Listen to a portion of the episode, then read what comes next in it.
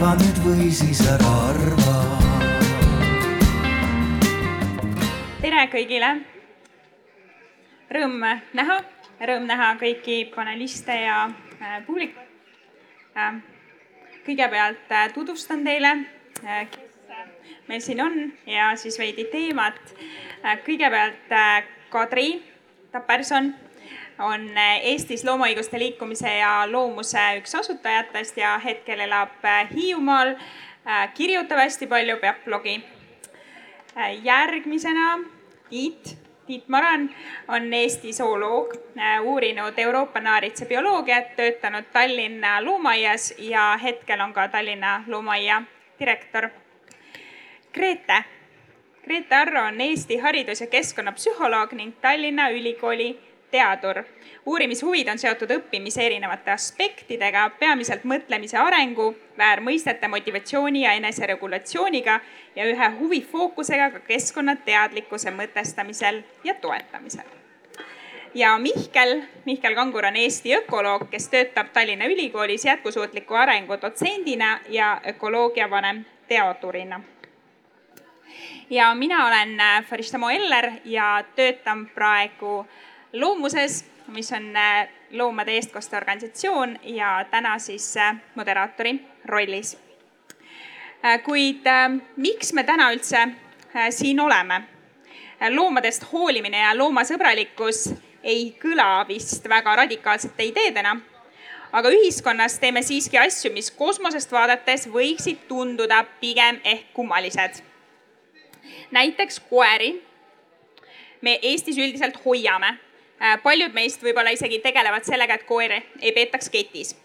Äh, sigulambaid ja mõningaid teisi loomi samas on täiesti äh, lubatud tappa söögiks. aga koeri samas jällegi mitte. mõnes teises kultuuriruumis süüakse veel hobuseid, süüakse känguruid. üle maailma peetakse trofeejahti mõned inimesed aga üldse teisi liike oma elutegevuseks ega toiduks, meelelahutuseks ära kasutada siiski ei taha ja osa neist jagab oma maailmavaadet ka teistega äh, ning seda maailmavaadet nimetatakse siis loomaõigusluseks ja ühiskonnas laiemalt äh, peetakse seda radikaalseks. täna küsimegi, et kas loomaõiguslus on tegelikult radikaalne ja selleks, et seda küsida, alustame algusest ehk siis vaatleme veidi mõisteid ja kõigepealt äh, küsingi teilt, et kuidas te radikaalsust mõtestate. Mihkel, alustan sinust. Äh, sina ütlesid mulle, et äh, kontseptsioon kui selline ei saa olla radikaalne, ehk avaksid seda? kui ma vaid mäletaks, mis ma mõtlesin, kui me rääkisime sellest. Kontseptsioon kui loomaõiguslus iseenesest, et, et, et see on seisukoht, mida inimene omab, et, et miks see peaks olema nüüd radikaalne, see vorm, kuidas ta avaldab, mida ta selle oma seisukoha väljendamiseks, mida ta oma seisukoha esitamiseks teeb, et, et see saab olla noh, käitumuslikult radikaalne, aga, aga idee poolest me peaksime küsima nagu pigem või hiljem, saad seda hiljem arutada ah,? noh, me räägime sellest hiljem, aga et ma arvan, et, et kontseptsioonina üks vaade elusolendite,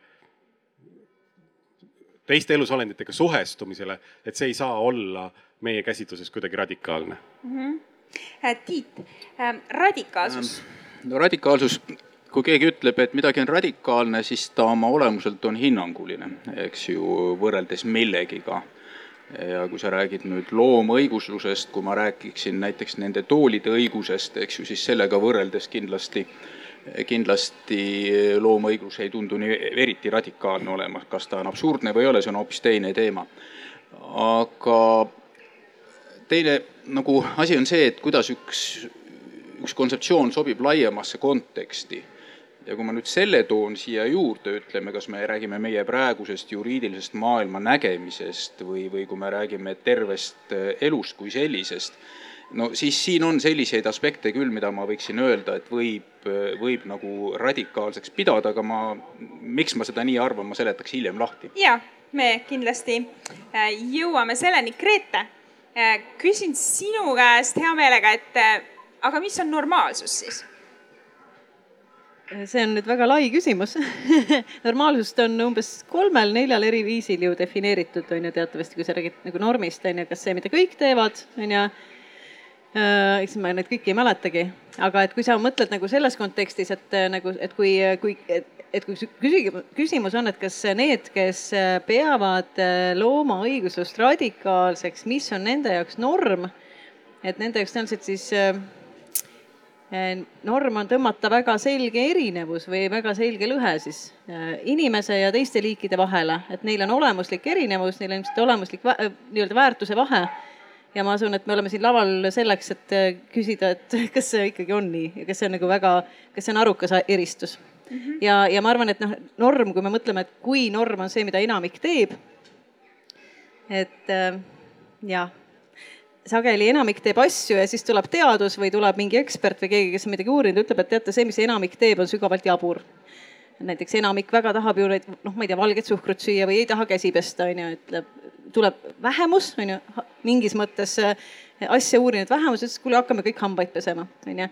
aga enne seda norm ei ole see, et pesta hambaid enne seda ei ole norm mõelda, et kalad tunnevad valu, on ju, nad tegelikult tunnevad aga seda võiks ka eh, pikemalt eh, edasi arutada, et eh, kuidas meie peas norm muutub. noh, norm ei ole ka mõelda, et naisel on ise noh, väärtus ühiskonnas. meil oleme elanud maailmas, kus naisel on selline kasutusväärtus näiteks pikka aega, et see on üsna naise, naiste õigused on üsna uus teema mm. -hmm.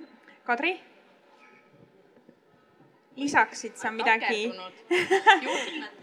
midagi radikaalsuse mõiste avamisele um,? ma mõtlen tegelikult, et äh, kuidagi väga üllatavalt on kõik olulised asjad juba ära öeldud, põhimõtteliselt me võime lõpetada. Aga muidugi on radikaalne, selles mõttes ongi radikaalne, et ta ootab, äh, loomaõiguslased üritavad luua uut, äh, uut normaalsust ja normaliseerida seda, kuidas nemad elavad või üritavad elada. Kadri et..., ma korra täpsustan, räägi korraks mõistest, mis on radikaalne väljaspool üldse loomaõigusest, vaid lihtsalt avada et mis on radikaalne või ja. no eks ta on nagu äärmuslik ju või mis sa nüüd tahad must filoloogi teha või mis asja.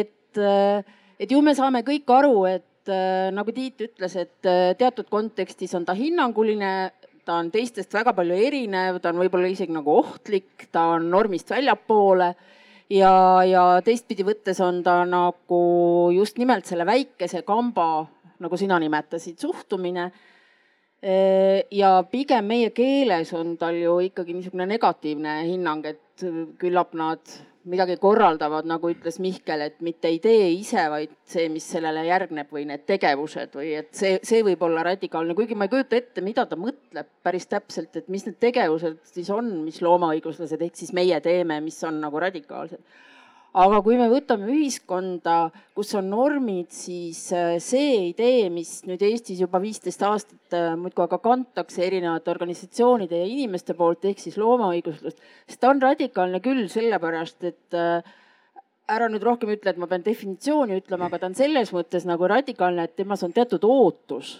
Ja ootus on, on massidele mitte siis ainult äh, neile, meile endale, vaid ootus väga paljudele inimestele. selles mõttes on ta suhteliselt häiriv, et on mingi seltskond inimesi, kes ootab, et, äh, et kriitiline mass tekiks, kes mõtleks samamoodi kui nemad. noh, on ju radikaalne mm. -hmm ja äh, võtame teise mõiste, enne kui me jõuame selle õigusluse mõisteni, võtame mõiste loom. et noh, me räägime looma õiguslusest, aga, aga kõigepealt loom, et selle teemani me jõudsime Tiiduga, kui me äh, veidi seda teemat äh, ette valmistasime. Äh, nojah, tähendab eks ta on niimoodi, et see on üks selline ebakõla, mis, kui keegi räägib mulle loomaõiguslusest, minu jaoks kohe tekib. teine on sõnaga õigus, see on, sellest me võime pärast rääkida, aga kui keegi räägib loomaõigusest, siis mind tekib kohe küsimus, et, et mis selle looma all mõistetakse, eks ju, me võime loomadega jõuda sinna korallideni süga, süvameres, me võime rääkida metsas hundist, me võime rääkida mutist ja mügrist, me võime rääkida mesilastest. Et, et kus on see piir, kui me räägime loomadest, eks ju, üldse. ja mulle tundub, et, et see loomõiguslus kui liikumine, et tema taust ei ole mitte nii palju sealt õiguse poolest, aga just eetika poolest, et sa tajud, et teistele eluvormidele tehakse liiga ja seda just meie enda kultuurikeskkonnast, et loomaõiguslus nii palju, vähemalt minu arusaama järgu ei kipi minema looduskeskkonda ja vaadata, vaatama, mis seal on, eks ju et pigem ikkagi see, mis on meie vahetus ümbruses ja noh, kultuurikeskkonnas olevad loomad on mõnes mõttes võetud meie vastutusele. ja teine pool, mis mul tekib kohe sinna juurde paratamatult, et, et miks ainult loomad? et miks ainult loomad, et elu, eluvorme on hästi palju et kui me räägime õigustest, eks ju, kui me räägime valust, valu on natukene teine teema, eks ju, seal võib öelda, et kas taimed tunnevad valu või ei tunne või seened, me ei tea, noh, ilmselt ei tunne, ühed pooled ütlevad, keegi väidab juba, et natukene nagu tunnevad ja, ja valu on tegelikult defineeritud läbi selle, mida inimene kui liik enda jaoks on, on paika pannud, mis asi on valu, seal on omad väga keerulised probleemid. nii et vot, vot sealt tekivad mulle need ebakõlad, et kuidas nüüd see, see loom õigusluses, see looma tähendus tegelikult soovib, sobib nagu suuremasse, laiemasse ökoloogilisse konteksti, et ma, kui ma nagu hakkan mõtlema, siis ma lähen kohe lappama sealtpoolt mm. -hmm ja Grete, soovid sa äh, seda teemat enda seisukohast avada? see on hästi-hästi lai teema ja tõesti see, mida Tiit praegu välja tõi, et ma usun, et ma olen ilmselt, tahaksin minna hästi palju radikaalsemaks, kui me praegu oleme olnud siin vestluses, kas võib või on vara eh,? vabalt. okei, et, et üks teema, mida ma olen otsinud pingeliselt, et kas on andmebaasides, kas psühholoogid on uurinud sellist nähtust nagu looduse iseväärtus, et seda on, seda on filosoofid ja keskkonnaeetikad ja, aga vaata, see ongi see, et jah, vot just nimelt selles häda ongi, et seda on uuritud keskkonnaeetika ja looduskaitsebioloogia ja keskkonnafilosoofia raames. et mis asi on looduse iseväärtus, et ehk siis nii nagu Tiit ütles, et teisi liike on ka ja noh, kuna meid häirib valu, siis järelikult kõiki teisi häirib ka valu, onju. aga looduse iseväärtuse teema on, et sellest võib pikemalt nagu rääkida, aga et mis see nagu tähendab, et, et lühidalt tähendaks ta nagu seda äh, mõtet, et sul on peas selline mõte, kujuta ette. Praegu võib-olla ei ole, aga äkki tulevikus on. Või see on üks hüpoteetiline mõte, mõtelda võib igasugu asju. ja see mõte kõlab nii, et äh, teistel liikidel on õigus olemas olla iseenda jaoks noh, nii nagu teistel inimestel on õigus olemas olla iseenda jaoks, isegi kui ta sulle hetkel pole kasulik, näiteks ta on pensionil või puhkusel, siis ei ole nii, et võtab pensionile, et oota, võtan maha. Sellepärast, et ta ei ole enam kasulik. et millegipärast me nagu sama liigi esindajate puhul äh, aktsepteerime väärtust olemas olla iseenda jaoks teiste liikide ja teiste organismide ja teiste ja ökosüsteemide suhtes ei aktsepteeri. ja see on nagu hästi, tegelikult on see huvitav, kuidas see tekib ja see, sellepärast ma ütlesingi, et mitte, ma ei ole veel leidnud ühtegi uuringut, mis vaataks seda, kuidas see väärtus kujuneb. väärtusi on psühholoogid uurinud väga palju, aga ainult neid väärtusi, mis käivad inimeste kohta aga see on üks selline, ütleme, mina viskaks selle küsimuse õhku, aga seda, mul on mõned hüpoteesid ka, mhm. et eh, kuidas seda võiks kuidas seda võiks uurida või arendada? aitäh, hästi lühidalt äkki Mihkel ja Kadri ka veel vaatame seda mõistet loom ja siis õiguslus ja siis lähme teemaga lappama. Mihkel kõigepealt.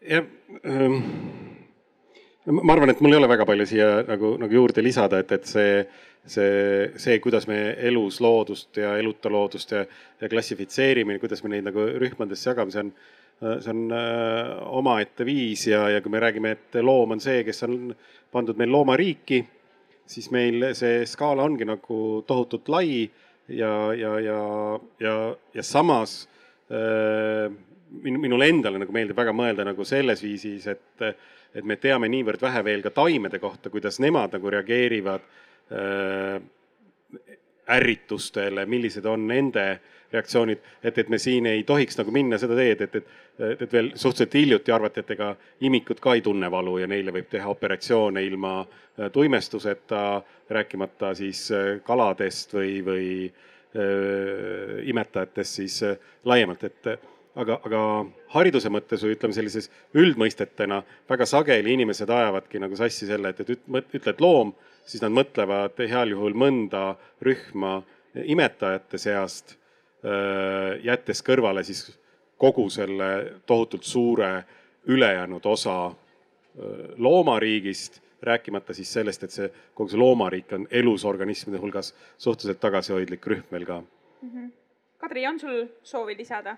Ma mõtlen, et loom on see, kes elab loomaaias, eks ju, et kuidagi oled sa seal loomaaias ju ka piiritlenud selle, et sul on aed, kus on loomad, et äh, alati võib võtta mingisugusest äh, terminist või mingisugusest sõnast kinni ja kogu lugupidamisega ausalt, see ei olnud mingi irooniana mõeldud, vaid see on nagu mõeldud, et kui on liikumine, mis hakkab tegelema loomaõiguslusega või veganlusega või nii edasi, et kuskile ta need oma piirid seab, kasvõi selle jaoks, et, äh, et algusest peale oleks selge, millega nagu tegeletakse et selles mõttes äh, on see loom meie mõtetes piiritletud küll, aga loomulikult on see väga keeruline, keeruline teema ja need terminid muutuvad vaata et iga päevaga. ma täna hommikul vaatasin praami peal ühe, ühe Austraalia Sydney ülikooli sotsioloogi äh, Dani Sellemaieri lugu sellest, kuidas, mis juhtus tema ja tema loomadega siis nende äh, Austraalia suurte põlengute ajal ja tema rääkis sellest, kuidas ta viiekümne aastaselt kolis äh, kuidas seda siis öeldakse, bush, põõsastikku nii-öelda sinna äh, hästi Austraalia keskele, mm, elava looduse keskele selleks, et saada aru, kuidas elavad forest people ja human people ja animal people, et ta oli hoopiski võtnud niimoodi, et kõik need, kõikidele nendele äh, nendele leidnud või, või võtnud või laenanud kellegi käest niisugused nimetused ja, ja pani nad täiesti ühele tasapinnale, rääkis, rääkis siis oma mälestustest, mis nende kõikide people itega juhtus, kasutades kasutades neid sõnu human ja people niimoodi, et mul on praegu isegi nagu keeruline öelda, kuidas need siis eesti keeles võiksid öelda võiksid olla. nii et, äh, et tõepoolest äh, on keeruline öelda, et kui me räägime loomadest, kas me räägime siis kärbestest ka, noh, pigem küll, aga eks me loomulikult oleme keskendunud rohkem nendele loomadele, kellest me aru saame para-, paremini, et me saame tõenäoliselt imetajatest ja lindudest ja võib-olla nüüd natuke ka kaladest paremini aru ja ka kindlasti on ka neid, kellest me ei tea midagi. et see on ka õige mm. -hmm ja, ja nüüd siis äh, õiguslus sellega või, või õigused Äh, sellega on ju see probleem, äh, et äh, see on loodud algselt inimeste maailma ja kuidas seda nagu laiemalt mõista. äkki alustame seekord, Grete, sinust? Ähm, ma olen mõelnud, see ühel varasemal nagu natuke sarnase teemaga vestlusringis kerkis ka üles küsimus, et jube huvitav, et, et kui me räägime noh, ma jällegi ütlen tegelikult mitte ainult loomad, vaid loodus laiemalt, sest mulle nagu meeldib tegelikult see fookus, et see loomade teema läheb sinna sisse et me tahame väga nagu talle peale panna neid kategooriaid, mis meile mõistetavad. Ja nagu tegelikult see ongi mõnes mõttes isegi nagu noh, arusaadav, sest meil on need kategooriad, et õigus, süsteem, teeme seadused näiteks. Või anname talle õigused, anname talle inimõigused näiteks mõnele ökosüsteemile või, või loomadele loomaõigused. Või siis ähm, püüame neid mõtestada mingi muu kategooria järgi, mis on inimlik ja siis tekkiski nagu minus vähemalt küsimus, et kas võib olla nii, et loodusel on hoopis mingid omad kategooriad, mida me, mida me ei saagi talle väljastpoolt niimoodi peale panna, teha see nagu mõtlemisharjutus, et, et selleks, et me suudaksime nagu kohandada seda tüüpi käitumist, nagu me üksteiselt ootame, siis ka teistele liikidele, et siis on meil nagu seda vaja, aga et äkki see ikkagi natukene piirab meid, et me ikkagi hakkame sellisel juhul neid ka olemuslikult nagu noh, mingisse enda kasti suruma. seesama näide, et noh, et äkki neil on hoopis teised või noh, et äkki, äkki pole üldse vahet, kas nad tunnevad valu või mitte. äkki see pole üldse tähtis. äkki tähtis on see, et ta on elus. Ja, ja kui ta juba on elus ja tal on siin ilmas oma asi ajada, siis on tal see noh, et, et siis seda me ei tohiks nagu piirata, kui meil on vähegi võimalust seda piirata. Tähendab mitte piirata, et, et jah, et kindlasti on olukordi, kus loom hammustab meid, aga ta, ega nad kõik ju kogu aeg ei hammusta, olgem ausad, et iga suvaline lepp, mille me maha võtame, ei ole meid nagu ikkagi väga seganud tingimata eks ju, et aga et jah, et see, see minu jaoks on jah see küsimus, et kuivõrd üldse me noh, et me peaks ise teadvustama, et need kategooriad, kuhu me nad surume, et kas, et kas see on nagu piisav või ammendav, et kas nad mahuvad mm -hmm. sinna mm? -hmm. Mihkel, sinuga me rääkisime sellest, et ökoloogias ei ole õiguseid. ja ma, ma jäin siin nagu ka praegu mõtlema, et, et kes andis meile õiguse äh, anda ja võtta äh, kelleltki õigused et, et kust, kust meil nagu tekib see roll või, või funktsioon, et, et me ütleme, et, et äh, üheksakümnel karul ei ole õigus äh, elule sellel aastal. kakskümmend viis tükki saad juba kätte, mõni on veel minna, et, et äh, noh, et, et kust see, kust see nagu õigus tuleb. loomulikult noh, me võime kohe hakata siin ka vastama sellele, et äh, ja siis ta vaatas kõik see, mis ta lõi, on saanud hästi ja, ja pani mehe selle valitsema ja meelelahutuseks lõi talle kõrvale ka küljeluus siis naise, kelle ta andis ka äh, elusaks inventariks kõrvale. et, et, et see kontseptsioon sellest, et, et meil on õigus maailma valitseda äh,, hävitada ökosüsteeme äh,, hoida mingisuguseid äh, asju elus ja teisi tappa, on, on, on ainult üks arusaam sellest, kuidas maailm toimib ja kui me jõudsime siin Austraalia juurde ja vaatame, mis on Ameerikas toimunud. et neid arusaamu sellest, et, et kellel on õigus ja, ja, ja missugused õigused, et neid on olnud ju palju rohkem kui ainult see üks, mille keskel meie oleme nagu siis praegust olnud, on ju, et, et, et, et ja nüüd sellest ühest siis erinevust peetakse sageli kuidagi nagu radikaalseks. aga ökoloogias ma, ma nagu ei ole kohanud sihukest äh, fenomeni, et, et kusagil kellelgi oleks nagu mingi õigus mm. -hmm. Kadri, kuidas see loomaõiguslaste vaatepunktist on see loomaõigusluse mõiste?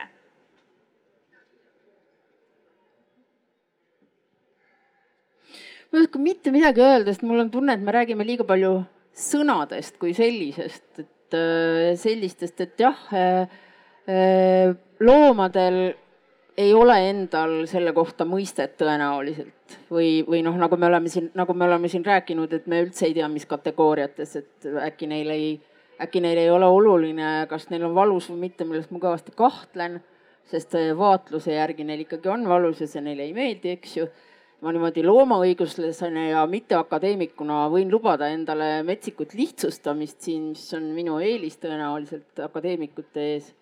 aga kus ma selle jutuga jõuda tahtsin, on see, et kui ma vaatan praegu nagu, mis toimub, mis toimub kriitilistes loomauuringutes, noh, mis on ka, et me võime sinna sõnade hulka minna ja mõelda, et et mis, mis see tähendab nüüd, mille suhtes kriitilised ja nii edasi aga siis ütleme erinevate, erinevate teadusharude juures, erinevates ülikoolides järjest rohkem kasvavad ja kasvavad need uurimissuunad, mis äh, uurivad sellesama looma, keda me hästi ei oska piiritleda, sellesama looma äh, olukorda, olemust, tulevikku, minevikku ühiskonnas, kus me elame ja on selles suhtes kriitilised, eks ole, seal on mm, väga oluline valdkond, mis on arenemas, on ka, on ka siis mitte loomaõigused, vaid animal law ehk siis, ehk siis juriidika, mis on loomadega seotud. ja mis just üritab nagu tungida sinna, mida ma tean, et Tiit, sina kuskil kirjutasid, et, et, et põhimõtteliselt seadused, kohtud, kogu see süsteem on ju inimesena, inimesele tehtud, aga kuidas seda laiendada nüüd teistele liikidele.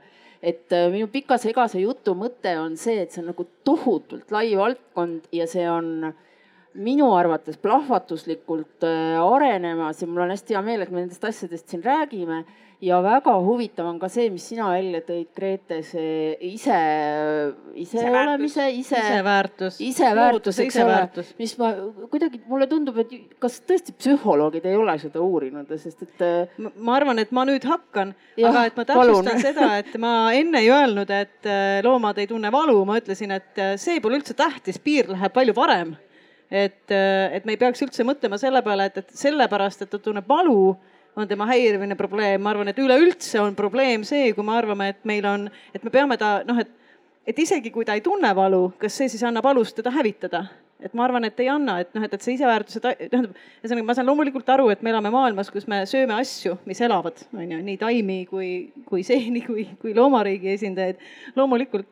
aga et see küsimus, et kui me kui me mõtleme selle peale, et kas, kas meis saaks tekkida ka see tunne, et kui hädavajadust ei ole või, ähm, või noh, või meil on võimalus, siis me tegelikult austaksime seda õigust olemas olla. aga siit me võiksime minna, noh, iseenesest, kui, kui sa küsid, et mis see looduse iseväärtus on, siis tegelikult see ongi nagu selline üsna pikalt juba siis nagu vaikselt küpsenud kontseptsioon, eks ju, et mis, mis on, et ja, ja see on nagu huvitav, et ma olen küsinud aeg-ajalt inimeste käest, kes tegelevad looduskaitse või, või on ökoloogid või looduskaitsjad. et kuule, et mis see mõiste tähendab ja nad sageli hakkavad seda avama läbi äh, hoopis teise mõiste, et loodusel on väärtus olemas või, või, või loodusel on ise väärtus, kuna ta on meile kasulik ja see ei ole see. loodus, kui loodus on meile kasulik, siis on looduse instrumentaalne väärtus, me saame sealt ressurssi, ta puhastab vett, on. ei, see ei ole see, see on looduse instrumentaalne väärtus, see ei ole ise väärtus. siis äh, samm edasi on põhjendada nii, et loo, loodusel on väärtus seetõttu, et ta on kas ilus või nutikas või põnev või nunnu või sihuke vahva vaadata, noh, mingi kassipoeg kusagil või linnupoeg või, või et ta teeb midagi nii kavalat, onju. ei see ei ole looduse iseväärtus, see on looduse subjektiivne väärtus, ehk siis kui minul on peas mingi kategooria, näiteks nunnusus, ma suudan mõista nunnusust praegusel etapil, võib-olla kakssada aastat tagasi ei olnud seda mõtet, mõistet, siis on tal väärtus, aga minus, noh, ma ei näe tas nunnusust, on ju, siis tas kuked võitlevad omavahel, eks ju. ja mis on looduse iseväärtus, see on veel samm edasi. see on äh, looduse nii-öelda objektiivne iseväärtus on see, et ei, ta on lihtsalt suvaline puuk. ta on suvaline lepp tal on õigus olla olemas lihtsalt sellepärast, et, et, et ta eksisteerib. et tal on õigus olla olemas iseenda jaoks. ja vaata, see on nagu see mõttehüpe, nagu sa, Kadri, ütlesidki äh, küsisid, et sa imestad, et seda pole uuritud ja minu arust see on ka nagu nii põnev, et tõesti, see ei ole murdnud välja sellest bioloogia ja conservation või sellise looduskaitse äh, valdkonnast sinna valdkonda, mis uurib seda ka, kuidas meie mõtlemiskategooriad kujunevad, sest tegelikult meie oma mõtlemisega ju käitume loodusega või ei käitu.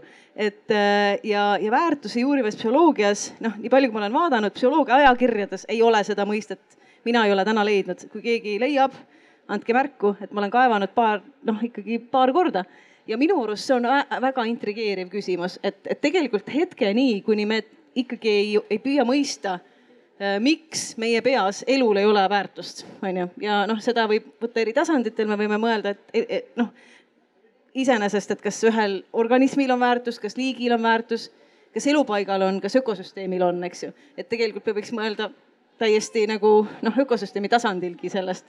et, et see küsimus, et kuidas see tekib, kas me saame seda katalüseerida näiteks oma lastes kuidagi Äh, kas mõni teist tunneb, et tema sees on see tunne, et teised liigid äh, tohivad elada isegi siis, kui nad meile kasulikud ei ole või kui nad ilusad ei ole? et, äh, et minu arust see on hästi põnev mm. -hmm. Äh, sinult ka veel õiguste kohta, sest me rääkisime sinuga ka huvitavaid radu pidi seda. jah, ma pean teema viima palju laiemaks. et, et hakkaks peale sellest, et me elame ühes kultuuris Äh, ühes tsivilisatsioonis, nii nagu me siin oleme ja seda tsivilisatsiooni peab koos, annab talle seletuse, annab mõtte, tähenduse, äh, teatud suur narratiiv või suur seletus. see on alati nii olnud ja antud juhul meie tsivilisatsiooni nagu põhilugu on nagu humanism, inimkesksus, kui sa soovid natukene kehvema terminiga seda käsitleda. ja selleks, et et äh, see seletus püsiks, on tal paratamatult olemas nagu tugi mm, noh, struktuurid või, või toetajad. näiteks õigus, seadusloome, seadusloome on tehtud inimeste poolt, ta ei ole sealt Moosese poolt kuskilt mäe poolt toodud, aga ta on inimeste poolt tehtud selleks, et toetada seda suurt seletust, mis meil on. täpselt sama on haridussüsteemiga, majandussüsteemiga, adminsüsteemiga, kõik see tegelikult toetab seda teatud kultuurilugu, mis seda tsivilisatsiooni koos hoiab. ja paraku me mõtleme kogu aeg oma selle kultuuriloo sees. Eh, nüüd selle iseväärtuse osa ma tahan korraks sisse tuua, et kui me vaatame teisi kultuure, seal iseväärtus, eh, see on põhikategooria, eks ju, põliskultuurides, kui me räägime, aga see on meil, mis meie kultuuris on ära unustatud noh, siin seesama Jumala teema, et me oleme Jumala näo järgi tehtud, tegelikult ta natukene jõuab kaugemale sinna Zoroastrisse välja juba ja nüüd, kui me tuleme sellesama õiguse juurde, siis õigus on inimese nägu, ta pole looma nägu, me ei saa mitte midagi teha. ja kuna ta on inimese nägu, inimese keskne, subjektsus on inimesel, ta on inimese jaoks. ja, ja siit tekib see nagu, nagu paratamatu vastuolu, et kui me räägime loomõigusest, tal ei ole kohta sellest süsteemist, teda tegelikult ei saa sinna paigutada. me võime proovida, eetiliselt on kõik mõistetav, aga kui me vaatame nagu legaalset süsteemi, siis tal lihtsalt seal ei ole kohta, ta ei majutu sinna. Ja teine probleem on, mis sellega, et kuna see noh, ütleme valgustusajast, kus nii-öelda jumal pagu-, pagendati või pühaduse mõiste pagendati, inimene ise muutus selleks põhiliseks tegijaks, siis paratamatult eh, ta hakkas kõiki asju nagu ise korraldama ja, ja siit nüüd paratamatult tekib ka see probleem, et, et see keskkonnateema, et see on jäänud kuhugi hästi kaugele. küsimus on nüüd selles, et ja seda liikumist on maailmas viimasel ajal hästi palju, et kas kah ühel hetkel tekib huppe, hüpe, et meie, meie see legaalsüsteem muutub nii palju, et me hakkame rääkima inimesest suurema elu tähendusest ja olulisusest ja toome selle oma sellesse legaalsüsteemi sisse, seal on väga palju probleeme sellega. aga selliseid skisofreenilisi situatsioone on legaalsüsteemides alati olnud, eks ju, mitte alati ei ole kõik inimesed olnud subjektid, eks ju, kunagi ei olnud juriidilisi isikuid, neid juriidilise süsteemi probleeme on hästi palju olnud ja ega see juriidiline süsteem, mis praegu on, seal on hästi palju halle alasid ka.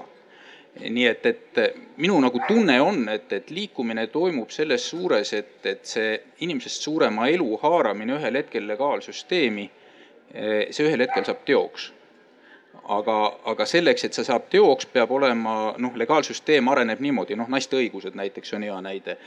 et ta oli ühel hetkel naeruvääristatav teema, et mis lolli juttu te räägite, nagu keegi ütles siin, et on kasutamise element, eks ju. et, et, et ühest hetkest tekkis hoopis teistsugune arusaamine, täpselt samamoodi on ka ühel hetkel sellega, et kui selle rahva arvamus, see, sellesse narratiivi tuleb sisse see mõra nii tugevalt, et ühel hetkel ei ole midagi teha. see juriidiline pool peab hakkama kaasa tulema siis tekib see diskussioon, et kuidas see sinna sisse haarata, sellesse legaalsüsteemi. praegu, kui juristidega räägid, rääkida, on, ütleb, see on hullumeelsus, see on täielik totrus, mis te räägite, see ei ole võimalik seal on hästi palju raskusi, selles suhtes on neil õigus. aga samal ajal, kui vaadata, kui palju katsetatakse sellega ja väga erinevatel tasandil, noh, Euroopa Komisjon või Euroopa Parlamendis on vastav grupp olemas, kes sellega tegeleb ühe parlamendisaadiku eestvedamisel, aga väga paljudes maades katsetatakse, ta ei ole lihtne, aga ta sinna suunda liigub praegu küll. ja ma väga loodan, et ta läheb, sest see annab ühe vala, võimaluse tegelikult seda meie praegust noh, tegelikult peaaegu suitsidaalset inimkeskset et äh, narratiivi muutma hakata. no siin ma lõpetan, ma juba läksin väga pikaks oma jutuga. just, me räägime täpselt ühte juttu, aga erinevate sõnadega, sul ei ole niisugune tunne, jah? kusjuures ma täie-. ikka veel ei ole kusjuures ma täiendaksingi seda, et võtaksin nagu paarist Tiidu mõttest kinni, et kas pole huvitav, et see ainuke kultuur on, kes ainuke selline noh, maailmanägemus, meie oma on ju, kes on kogu planeedi pekki keeranud hästi mitmel tasandil on siis see, kellel looduse iseväärtuse kontseptsiooni ei ole, on ju, kas siin on seos või jaa, on ju. ja teine mõte on, on jah see, et mida sa nagu, mis noh, mina, kes ma ikkagi usun, et ma natuke tean psüühikast, on ju, et kui osad inimesed on võimelised mõistma või hoomama äh, looduse iseväärtuse kontseptsiooni on ju, nimetades seda võib-olla teiste nimedega, siis oleme me kõik, siin ei ole mitte mingit kahtlust, mingit küsimust, aga lihtsalt me oleme nii teises keskkonnas on ju, et need, eks siis õnneks lootust on.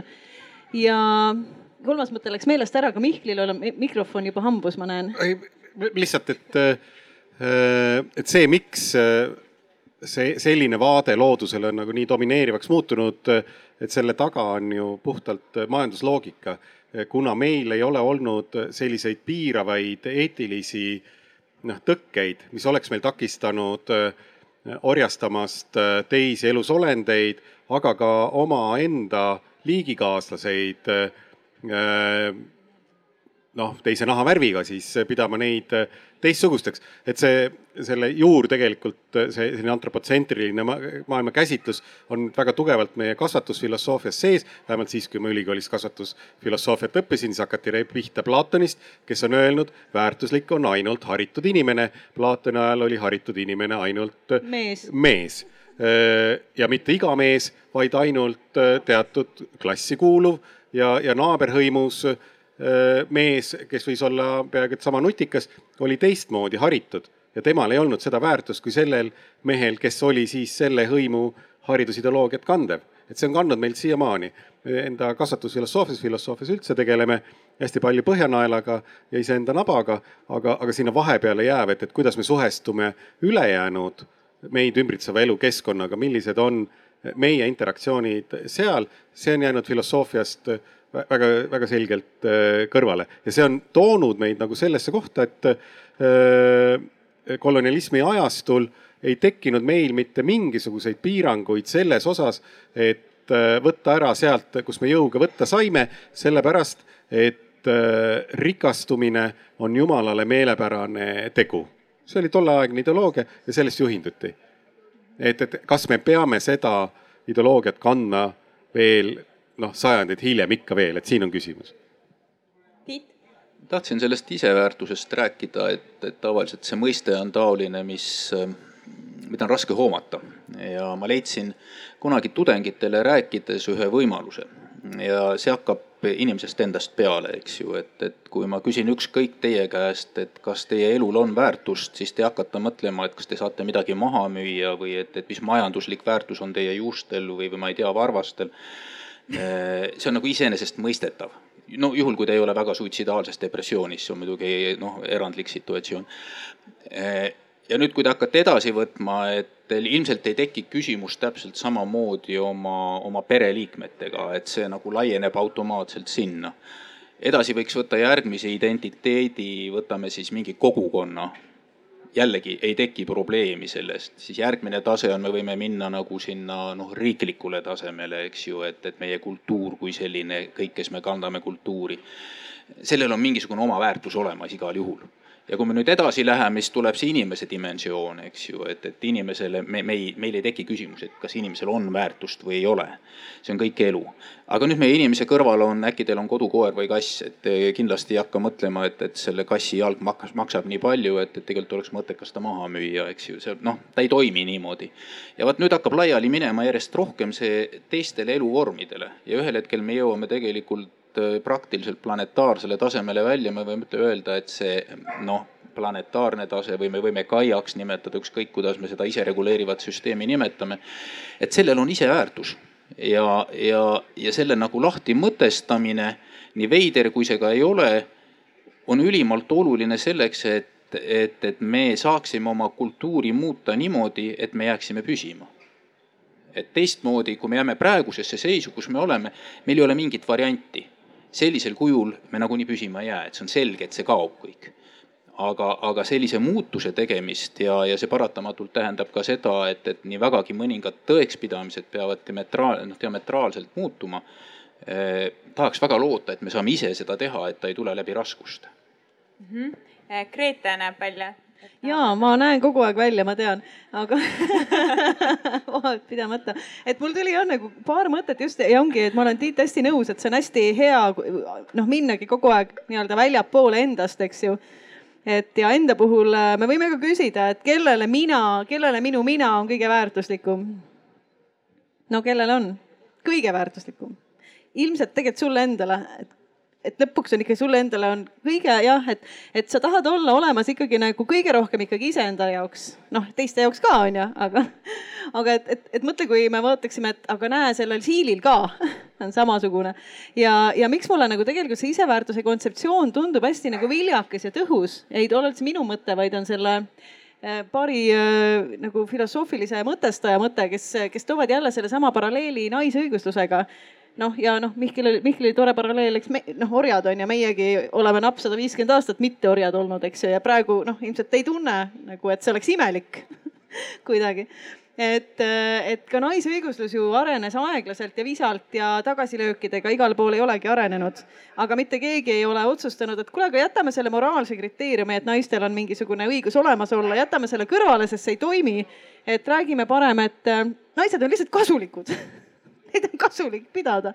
et selline utility, et eks see, mis on tegelikult looduse puhul hästi tavapärane, on vaadata teda, ähm, et õigustada tema olemasolu läbi tema instrumentaalse väärtuse ja me näeme, et selline instrumentaliseerimine tegelikult loodust ei kaitse mitte kuidagi, et noh, et, et kui me kogu aeg ütleme, et ökosüsteem pakub teenuseid on ju, sellepärast tuleks seda hoida, tegelikult see ei ole aidanud, et see, see ei tööta. et huvitaval kombel jah, et, et, et me inimeste puhul peame nagu leidma sinna selle just nimelt selle äh, mingis mõttes raskesti hoomatava, aga hästi tugevalt iseendaga seotava iseväärtuse tunde on ju, tal on, tal, et me ei pea õigustama tema õigust, eks ju. et mõtle, kui tore, kui me suudaksime ja ma arvan, et igaüks võiks korraks enda puhul mõelda, mul on sihuke mõtlemisülesanne teile. et, et mis muutuks, et võib-olla minus täna ei ole seda mõtet, et igal organismil on õigus, on ju, kui ta just mind nagu väga ei ründa öö, olemas olla. kõigil nendel, kes pelletiteks lähevad ka. et kuidas ma muutun? Kuidas mu maailm muutub, kui ma tajun kogu aeg seda looduse iseväärtust, mis, mis on teistmoodi pärast seda?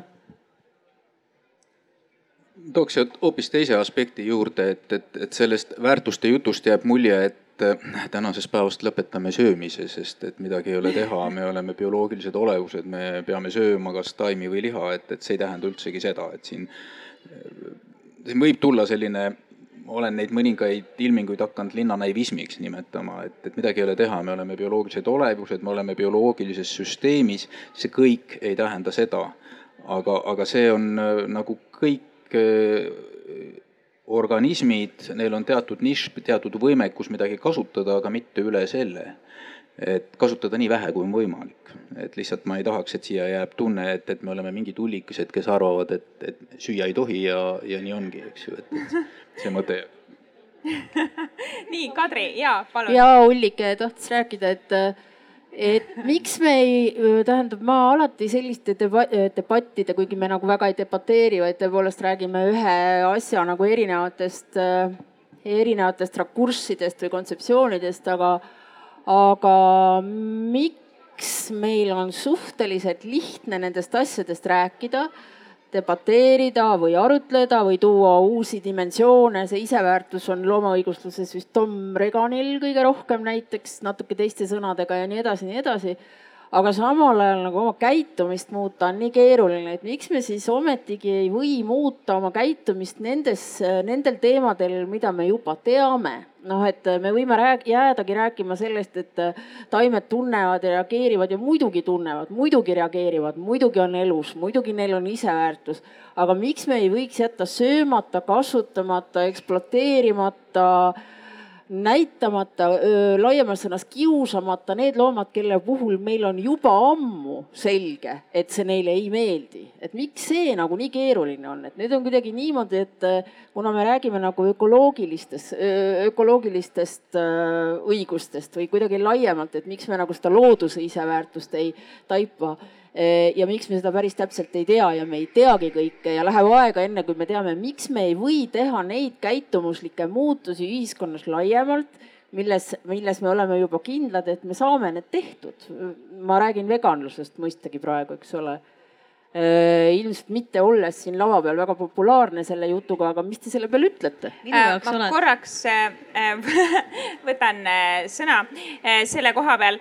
see on just see võib-olla, kuhu me nagu vestlusega tahamegi jõuda, et kui, et, et kas see on radikaalne mõte et loomaõiguslus põhimõtteliselt, millest ta räägib, on, ongi see, et et eh, teised liigid ei ole inimesele kasutada, eh, kui sellest tema elu võib-olla ei sõltu. aga et, eh, et kas see on, see mõte on radikaalne ja, ja Kadri võttis selle praegu hästi kokku. Tiit, sa tahtsid miskit öelda? ja ma tahtsin öelda seda, et veganiks sa mind ei tee kuidagi, ära loodagi. aga, aga ma väga respekteerin sinu omast, et see on iga inimese isiklik, isiklik nagu sisemine eetika, kuidas ta käitub. küll aga ma olen vägagi nõus selles osas, et, et meil on täiesti absurdne olukord, et arvestades, kui palju meid maailmas on, me käitume nagu tippkiskjad. ja, ja tippkiskjaid teatavasti ei saa kunagi palju olla, sest et eh, toitumispüramiid on nii, et all on laiem osa ja sealt hakkavad tekkima meie ökoloogilised probleemid, sest paratamatult nende selle liha tootmiseks läheb meeletus koguses tarvis maad, on vaja meeletus koguses eh, nii-öelda taimset produkti ja, ja noh, selline lust, nagu me praegu sööme, me noh, tohututes kogustes ma isik, isiklikult söön väga vähe liha tegelikult, ma arvan, et see ei ole vajalik ja ausalt öeldes ma tunnen ennast halvasti, kui ma palju liha söön. aga, aga et eh, me lihtsalt ei saa endale seda lubada. see on niisugune jälle absurdne olukord, kus ei võeta arvesse ütleme, see kogu see praegune kultuuriline põhinarratiiv nagu on täielikus vastuolus ökoloogiliste põhitõdedega. ja ta ei saa sellisel juhul püsida, sellepärast räägitaksegi see, et, et ärge sööge nii palju liha, aga samal ajal kui palju tuleb reklaami selleks, et oleks võimalik teha korralikult grilli ja kõike muud asja, nii et seal tulevad turumehhanismid ja kõik muud, mis toetavad seda, seda maailma. ja et kui mõelda, no ma pärast mõtlesin nagu enda lapsepõlvele, et see oli see aeg, kui veel lapsele ihunuhtluse andmine ka koolis oli täiesti noh, sage ja igapäevane nähtus. koolis küll juba ähvardati, et kaevatakse haridusministeeriumile, siis juhtub midagi. aga kodus see füüsiline karistamine oli nagu täiesti okei okay.. ehk et meie, meie olud muutuvad sellel ajal, kui ma olin noor, toodi sinna poodi, kus külas ma elasin, toodi liha eh, kolmapäeviti. Eh, selleks, et eh, noh, liha saada, siis pidi minema sinna järjekorda seisma hommikul juba kella üheksast, sellepärast et äkki kuskil pealelõunal kolme-nelja ajal siis see kaubaauto tuli ja, ja see liha sai lihtsalt otsa. ehk et minu enda eluajal olen ma näinud seda aega, kus liha oli ülimalt harva laua peal. minu vanavanematel oli ta ilmselt veel harvem laua peal. Nad elasid suure täisväärtusliku elu selliselt ära, et see, et me saame liha süüa, on meil noh, väga suur luksus.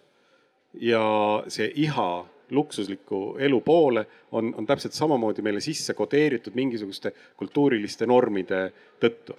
selleks, et näidata, et, et ma olen Äh, rikas, ma saan süüa liha, ma saan süüa seda ülemääraselt palju, ülemääraselt palju, et äh, see, see on justkui nagu mingi kultuurinorm.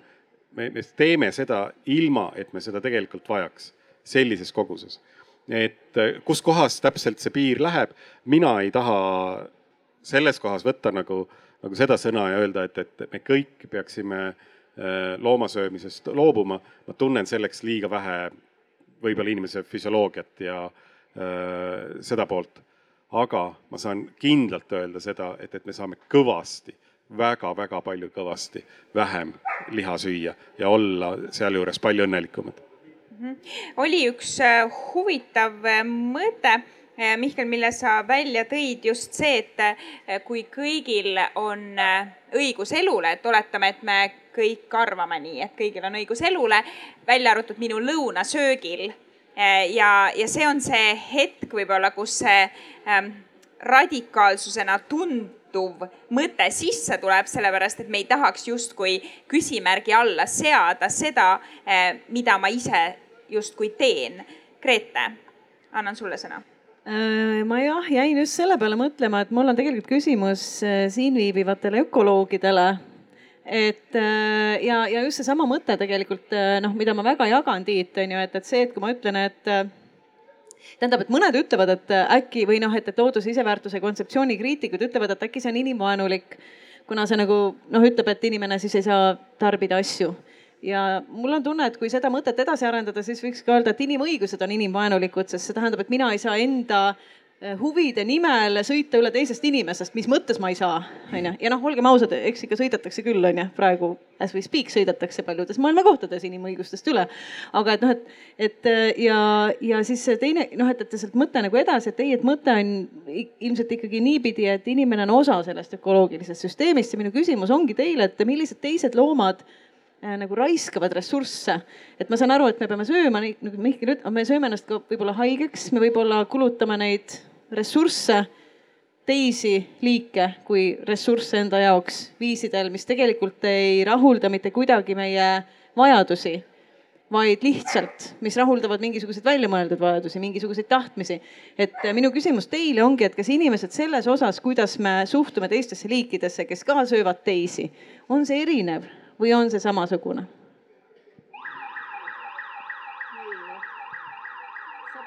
see oli vist väga alarmeeriv küsimus ähm.. esiteks mulle ei meeldi eriti see, et, et me räägime kogu aeg inimesest, et me räägime tegelikult sellest kultuurist, sellest konkreetsest kultuurist. et kui me vaatame teisi kultuure, eriti põliskultuure, on päris huvitav, et, et seal on hästi huvitavad teatud tabusüsteemid, mis väldivad ületarbimist et hoiavad seda paigas, et mulle, mulle kohutavalt meeldib Marshall Shalin, antropoloog, kirjutas vist oli aasta oli seitsekümmend viis raamatu eh, Stone Age Ecology ehk siis kiviaja ökoloogia. Eh, seal on hästi palju huvitavaid asju, et ma tooks, markeeriks paar asja ära, et, et esiteks, kui me räägime, et, et kui vabad me praegu oleme ja kui palju meil vaba aega on, siis tema nagu pil-, nende uuringute järgi kiviaja inimene töötas üks kuni kuus tundi päevas, et oma eluoluga hakkama saada. noh, tänapäeval me nii kergesti hakkama ei saa teine asi siis öeldakse aga, et noh, nad vaevu püsisid elus, et nad ei suutnud oma toidubaasi kätte saada. jällegi, kui hakatakse andmeid vaatama, selgub, et nende toidubaas oli märkimisväärselt rikkalikum. Nende tervis oli parem, eriti võrreldes selle ajaga, mis oli see nagu agraar, agraarajale üleminemine, seal on omad probleemid sellega, see ei ole nii lihtne, nagu meil räägitakse agraarrevolutsiooni nii et ja, ja mis oli hästi huvitav, oli tal veel, et ta või välja vaadeldas siis sellel ajal olemasolevaid äh, põliskultuure ja ka andmeid, ütleme, arheoloogiast. Äh, praegu täpselt ei mäleta, kust see kokku oli võetud, aga, aga tema põhiväide oli see, et mingisugusel arusaamatul põhjusel enamik nendest põliskultuuridest toimisid alla keskkonna kandevõime ja nüüd tekib küsimus, miks ja see võti tema arvates oli kultuuris, kultuuri toimimises, et me jõuame jälle selle kultuuri mõiste juurde, ükskõik otsast me liigume, eks ju. ja sellele vajadusele seda praegust kultuurinarratiivi murendada, muuta teistsuguseks. kuidas seda teha, ega keegi täpselt ei tea, et, et kui lahendus oleks teada, oleks ta juba olemas, aga just see on alati see küsimus, et äh, lahendusi ei ole lihtsalt teada, nad peavad ühel hetkel kuskilt tulema kui see nüüd vastas seda, mis sa tahtsid? ja tõesti, see tõesti vastas, mul on hästi hea meel, et ma selle, selle teadmise sinult sain ja tegelikult üks nipp kuidas võiks muutuda meie mõtlemine, noh, et täiesti õige, et kui me räägime sellest eluviisist, mis meil on, ma peaks kitsendama seda mitte inimestele, vaid nagu meie tüüpi kultuurile on ju, mis on üks väga-väga noh, sadadest maailma kultuuridest, maailmanägemustest. meie ülikitsuke, aga noh, ta on ikkagi oma mõjult kõige domineerivam on ju, sest meil nendel arukamatel ei ole erilist eh, osavust olnud oma maailmanägemuse meile pealesurumises, kahjuks erinevalt meist. aga et eh, mis on nagu inimese mõtlemise muutuse aluseks, kõige võimsam asi, on see, et kui ma teadvustan, mida ma teen, kui ma teadvustan, millist lollust ma teen, kõik noh, lihtsam näide, näide, et me teame eh, enda kohta seda, et kui siin väljakul kukub keegi kokku siis kui siin on palju inimesi ümber, siis ma kipun mitte minema appi. teate seda jah? Ja. ja kui sa oled üksinda, sa oled ainuke, kes näeb, siis sa lähed tõenäolisemalt appi, mis tähendab seda, et kui sa, kui sul on mingisugune tervisehäda rahva murrus, sa oled ohus onju, ja kui sina tead enda kohta, et ma olen ka see loll, kes appi ei lähe, sest nii psüühika töötab, sest noh, norm tekib selle järgi, mida teised teevad, siis sina oled see, kes läheb appi, siis ma tean, et teistel on ka see plokk, et Aa, mina ju ei pea tegema, ehk siis iga asja tea-, et kui me teadvustame seda, on ju, näiteks sedasama asja, et äh, kuidas meie kultuuril on kombeks elada võrreldes teistega, siis see võiks olla esimene samm äh, oma kultuuri või oma maailmapildi muutmiseks. tunneme ära mm. -hmm. ja Ja ma, ma tahtsin nagu seda mõtet natuke veel siin laiendada, et, et tegelikult, kui me vaatame nagu äh, teadlaskonna hulgas ringi, siis see äh, arusaam sellest, et mis asi üldse on elus et ka see on ju tegelikult väga äh, laiades piirides ujunud, et, et noh, mingil ajal oli ju veendumus, et elus on ainult see, kellel on hing, on ju, et see on inimesel ainult on hing. et äh, kuidas?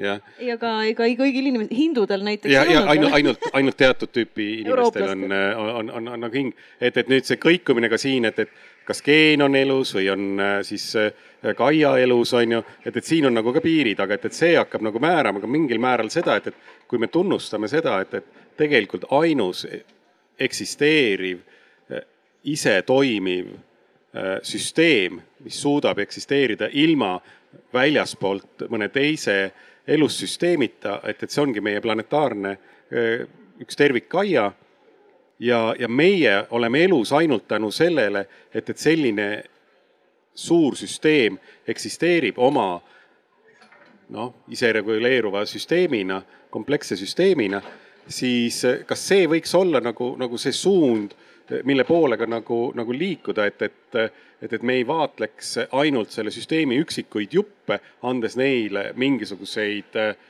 käega hoomatavaid tunnuseid, vaid püüaksime mõista, et, et mis see, mis on need põhivajadused, mis peavad meil olema tagatud, et me püsiksime elus. kas need algavad sellest, et meil oleks kõht täis, oleks peavari ja, ja keegi õhtul kaisu võtaks või on, on selle all ikkagi veel mingisugused veel olulisemad äh, põhivajadused, mis peavad meil olema tagatud, näiteks et äh, meil oleks piisavalt fotosünteesivaid taimi, meil oleks no taimedest me väga palju kaugemale ei jõua, on ju, kes väga-väga tohutult reguleerivad meie kliimat, eks ole, et, et et, et, et, et nii edasi, et aga loomades me ei pääse selleks, et need taimed saaksid hästi elada, on vaja loomi, kes aitavad seentel ette valmistada taimedele jälle uut aineringet, eks ole. Mm. ma toon siia korra sisse teema nagu putukafarmid või, või üldse putukad seetõttu, et kui eh, noh, räägime loomadest, eh, noh, eriti nendest, kes on nii-öelda nunnud loomad või eh, siis on võib-olla natuke lihtsam neid hoomata ja võib-olla ka noh, ma ei tea, mõne jaoks väga radikaalselt, mõne jaoks mitte mõelda, et ma ei taha talle valu põhjustada. aga nüüd putukad, kui nemad panna farmi, siis see ju takistab nende elamist või nende olemist. Kadri, Äh, pöördun sinu poole kõigepealt. no sa ütlesid ise ära, et see takistab nende elamist ja olemist, nii ongi. ehk siis äh, äh, sinu jaoks ei ole see mõte kuidagi võõras, et putukaid ei tohiks panna niiviisi äh,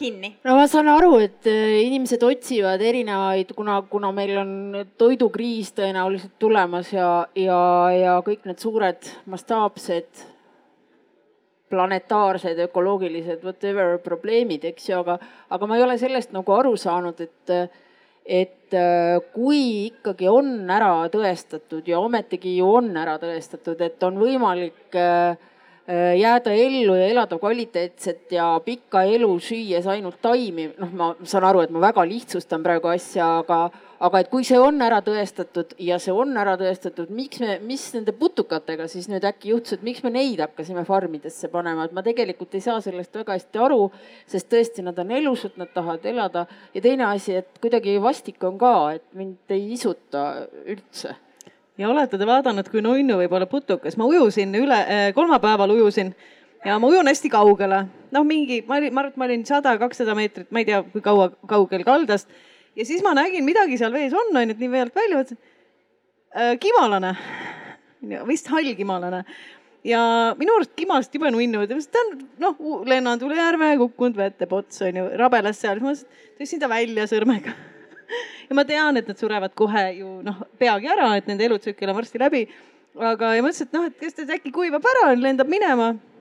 ei lennanud, noh, mis ma tegin ujusin, käi-, ja ma mõtlesin ükskord panen ta pähe ja ujun välja, aga, aga kuna ma et äkki ta, et mul juuksed märjad on ju, et libiseb maha, siis ma ujusin välja nagu näpp ühe käega ja ma tean, et see on noh, Grete Arro on idioot ilmselgelt onju, et aga see üks aga see üks kimalane tegelikult, et noh, minu jaoks ta, ta oli oluline, et tema asi oli ajada, noh ajamata veel onju, tema elu ei olnud läbi. ja ma saan aru, et noh, ise oli rumal, et vette nagu ronis, eks ju, või kukkus aga et, et see mõte, et kui me nüüd teeme putukafarmid, et mis probleemi me lahendame, et me tegelikult tekitasime probleemi, toidukriisi ja me ei lähe lahendama selle kriisi põhjuseid, miks me selle tekitasime, miks me hätta sattusime, miks jäi otsa, miks ressursiga on nii halvasti. Äh, miks meil ei äh, jätku enam toitu, kui tegelikult Kadri ütleb, et ju jätkub, on ju, alati on jätkunud, Mihkel rääkis, alati on jätkunud, alati on olnud hästi. tegelikult me oleme saanud hakkama süües võib-olla kord nädalas liha, võib-olla paar korda kuus liha. et, et miks me ei lahenda seda probleemi äh, läbi selle äh, põhjuse, vaid me tahame koloniseerida uut liiki, on ju, me oleme noh, koloniseerinud kõik asjad ära, mida annab, et nüüd on siis järg putukate käes, on ju. et noh, et kas, kas see on see mõtteviis, mida me tegelikult tahame? ma küsin siinkohal Tiidult osa osa inimesi ütleb siis ka, et loomade puuri panemine on nende elu piiramine, nad ei saa niimoodi elada, nagu nad muidu elaksid. kuidas sa loomaaia direktorina neile vastad? kohe vastan, aga ma tahaks seda ja, putuka teemat natukene käsitleda ennem. et, et tegelikult see putukat loomade valguks tootmine, see on päris kaugele arenenud, et see on fantastiline praegu, kui palju on võimalik juba seda proteiini jahu kujul osta. aga see on selline, see on nagu naljakas lahenduse leidmine, kus, kus põhiprobleemi ei ole lahendatud. põhiprobleem on ikkagi see, et me tahame järjest rohkem tarbida, meil peab olema järjest rohkem energiat, iga aasta energia tarbimine tõuseb üks kuni kaks protsenti, eks ju.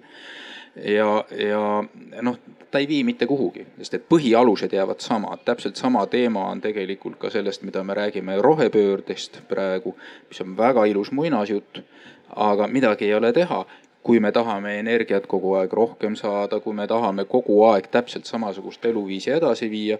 noh, võimalik, et keerulised ajad ei tule mitte reedel, aga tulevad neljapäeval, eks ju, kui nii piltlikult öelda.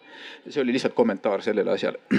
aga, aga teine nüüd, kui sa räägid äh, puuridest, loomi puurides pidamisest, siis see on, see on kultuuri teema ja, ja äh, loomaaia ajalugu on olnud noh, selline, millest palju ei taheta rääkida, ütleme üheksateistkümnenda sajandi lõpul äh, Münchenis, Stuttgargis, Pariisis, vist ka Londonis näiteks peeti ka põliskultuuri esindajaid, sest et, et see joon inimese ja mitteinimese vahel lihtsalt jooksis natukene teisest kohast eetilisest, tänapäeva eetika seisukohast on täiesti lubamatu, aga me ei tohiks praeguse eetika seisukohast anda hinnanguid sellest, mis oli kunagi siis, eks ju, et see on nagu, nagu vale.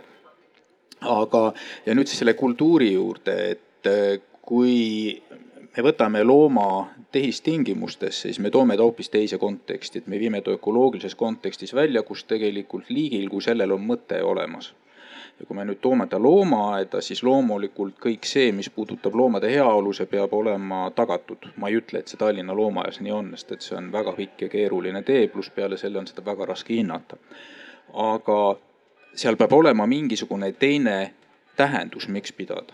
ja, ja minu jaoks ütleme, loomaaed kohana omab õigust eksisteerida ainult sellisel juhul, kui ta suudab panustada tagasi keskkonda midagi ja teine asi, et ta suudab panustada inimeste mõtlemisse ehk siis haridusse. kui need kaks tingimust ei ole täidetud, ma ei näe nagu, nagu sellist õigustust loomade pidamisel.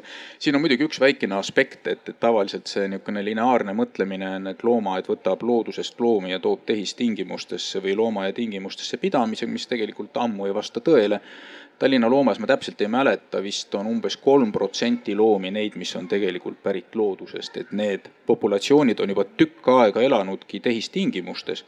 ja oluline on see, et vaat need tehistingimused oleks tehtud nendele niimoodi, et kui noh, väga lapsikul viisil öelda, et need loomad õnnelikud oleksid, nad oleks rahul oma eluga aga need loomad enamikus on nii mitmeid põlvkondi olnud, et neid nagu tagasi viia praegusel hetkel, see on omaette keeruline probleem, et, et kui loomaaiad ütlevad, et jah, et me tahame taastada populatsioone, siis kuidas viia nüüd inimese kultuuri poolt tekitatud keskkonnast need loomad sinna, kus on ökoloogiline süsteem, kus on olemas kõikvõimalikud seosed erinevate liigirühmade vahel millest see liik või isend, kes lasta, välja lastakse, ei ole üldsegi teadlik, see on väga keeruline teema. no pluss peale selle, et ütleme, erinevatel liikidel on, on teatud kultuuriilmingud nagu inimestelgi märkimisväärselt väiksemal tasemel, et, et see kultuuriline pool tavaliselt on, on loomaaedades hoopis teistsugune mm. -hmm. nii, läks väga pikaks, rohkem ei, ma ei räägi. kõik hästi, enne kui äh, ma võtan või küsin teilt, kas teil on äh, küsimusi panelistidele äh,, võtan veel ühe teema, et hästi palju mida inimesed just loomadega teevad, ongi see, et äh, on põhjendus.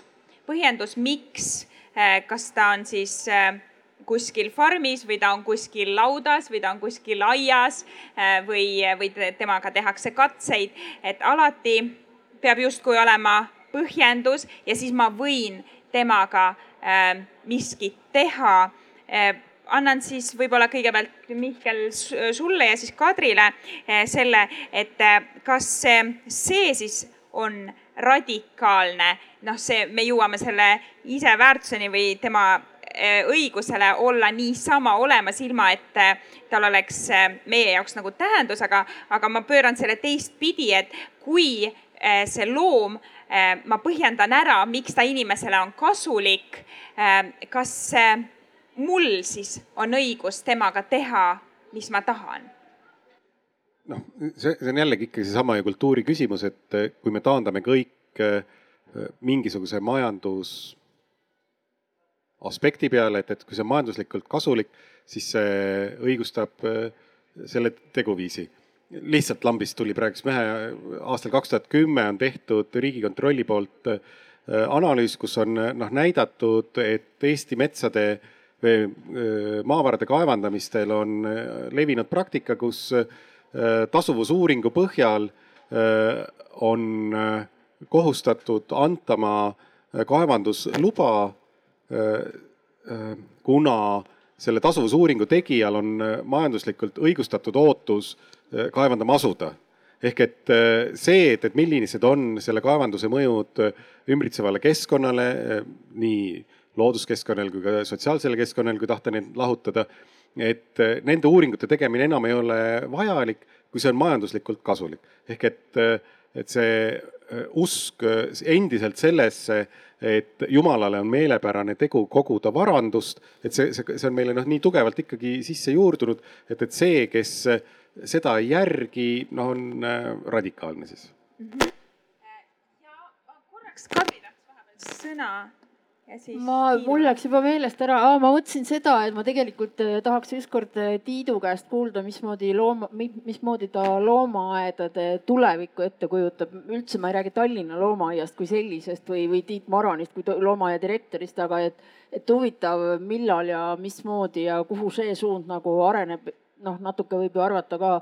ja teine asi, äh, mis mul kuidagi jäi kripeldama, on see, et ma kangesti tahtsin sellist, sellist loosunglikku küsimust vahepeal esitada, et aga kuidas me siis muudame seda narratiivi ja mis me peaksime selleks tegema, aga Tiit jõudis enne juba öelda, et see on kohutavalt keeruline, keegi ei tea aga jäin kuidagi mõtlema, et äkki me ikka nagu teame kamba peale. ja me praegu oleme natukene kohe... teinud siin rääkides. no vot, vot ja, et äh, ma nagu kuidagi alati tahaks mingisugust kasu saada asjadest, et mis sest nüüd kasu on, et me siia sõitsime kasutades kohutavalt fossiilseid kütuseid, on ju, siia kokku ja, ja räägime jälle ikkagi üsna sarnaseid asju, et mis, mis see kasu võiks olla, et ma nagu küsin siin lihtsakoeliselt nüüd ja kohe jään vait ka.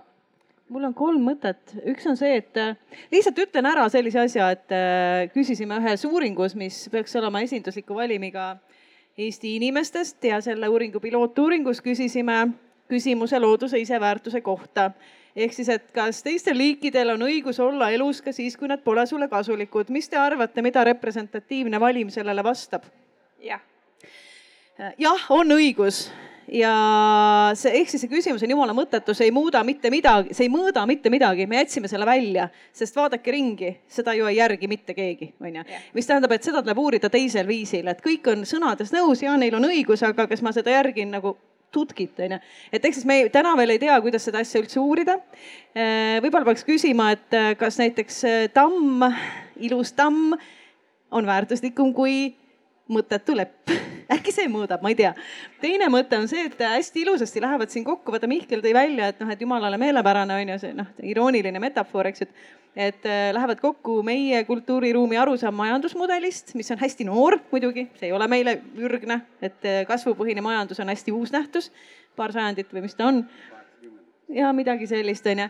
Ja, ja sellesama arusaamaga, et teistel liikidel ei ole oma asju ajada ja sellest saab üle sõita.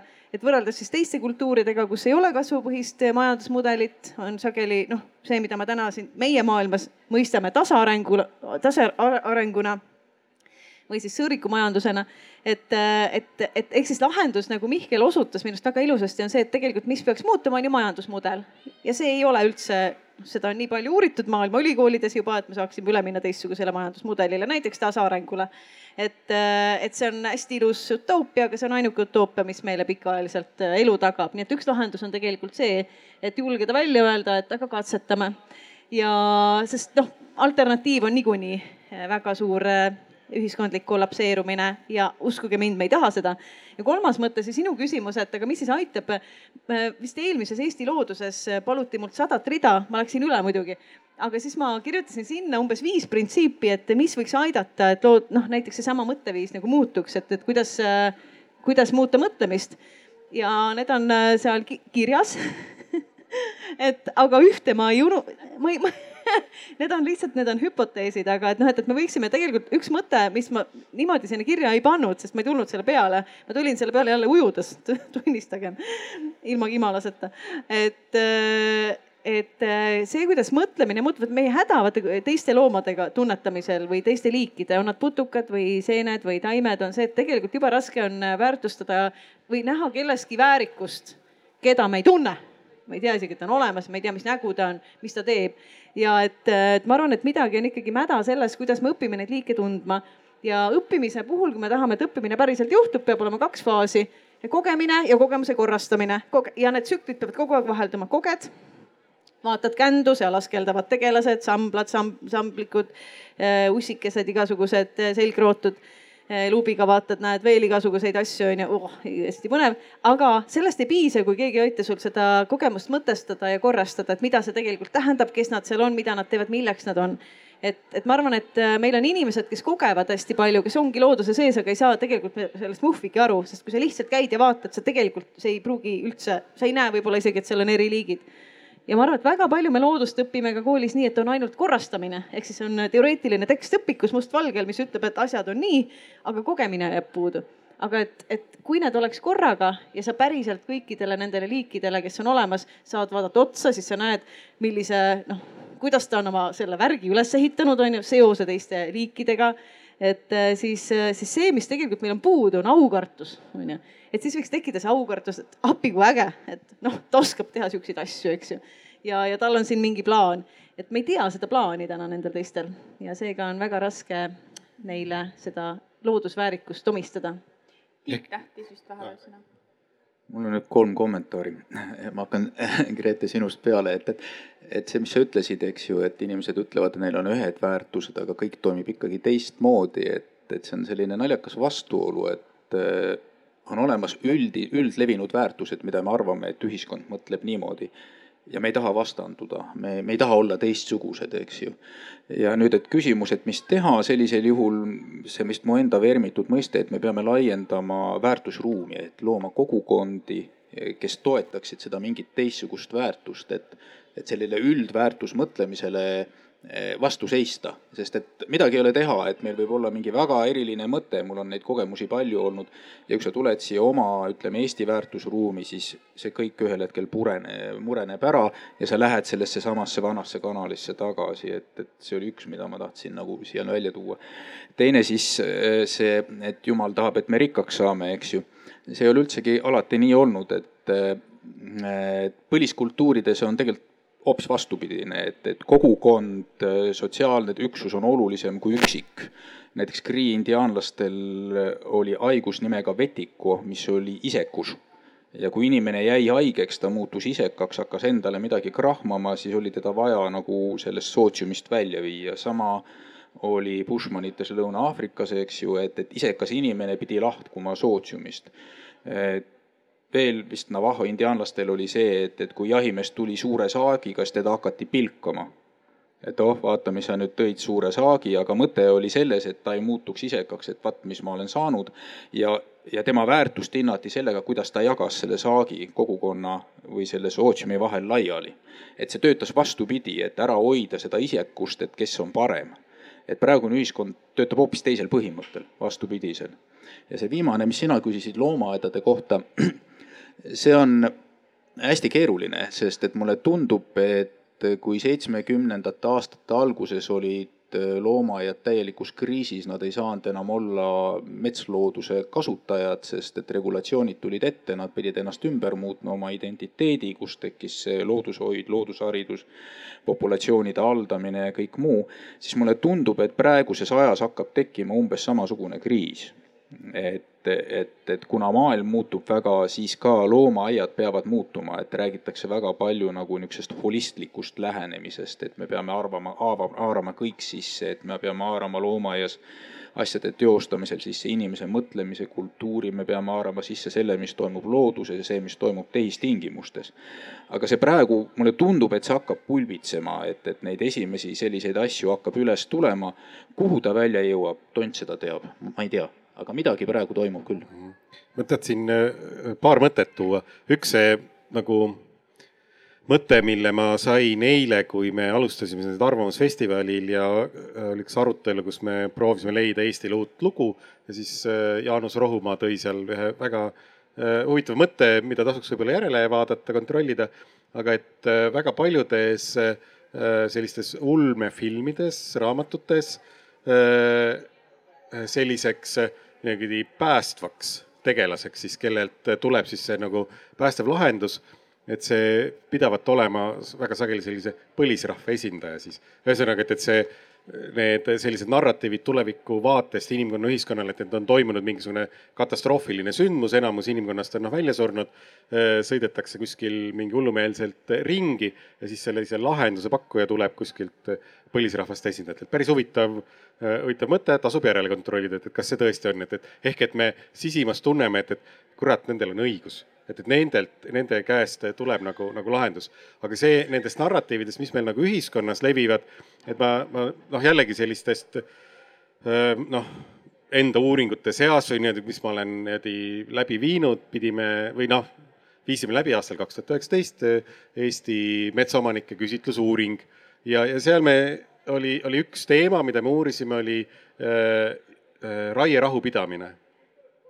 ja üheksakümmend seitse protsenti äh, metsaomanikest väidab, et nad peavad raierahu. raierahu, kevadise raierahu rikkumine, see on meil alles aastast kuskil kaks tuhat neliteist tulnud, kus metsaseadust äh, hakati muutma.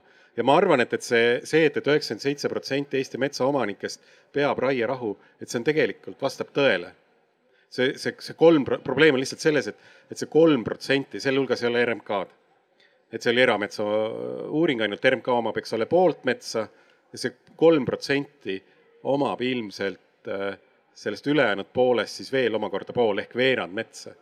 Ehk et need, need suured majanduslikud põhjendused lindude pesitsuse ajal metsa raiuda, see, see tuleb meie nagu sellisesse ühisruumi käsitlusena ainult väga kitsa häälega emotsionaalselt üles köetud seltskonna poolt. see ei ole üldine arusaam metsas toimuvast, sest kui ma nagu rääkisin sellest näiteks ka ajakirjanikega, siis väga paljude jaoks neist tuli üllatusena veel eelmine aasta, kui me tegime seda suuremat aktsiooni lindude pesitsuse rahuajaks. et, et väga paljudele ajakirjanikele tuli üllatusena sellel hetkel nad said teada, et aga et, et päriselt ka lubataksegi lindude pesitsuse ajal siis metsas raiuda või.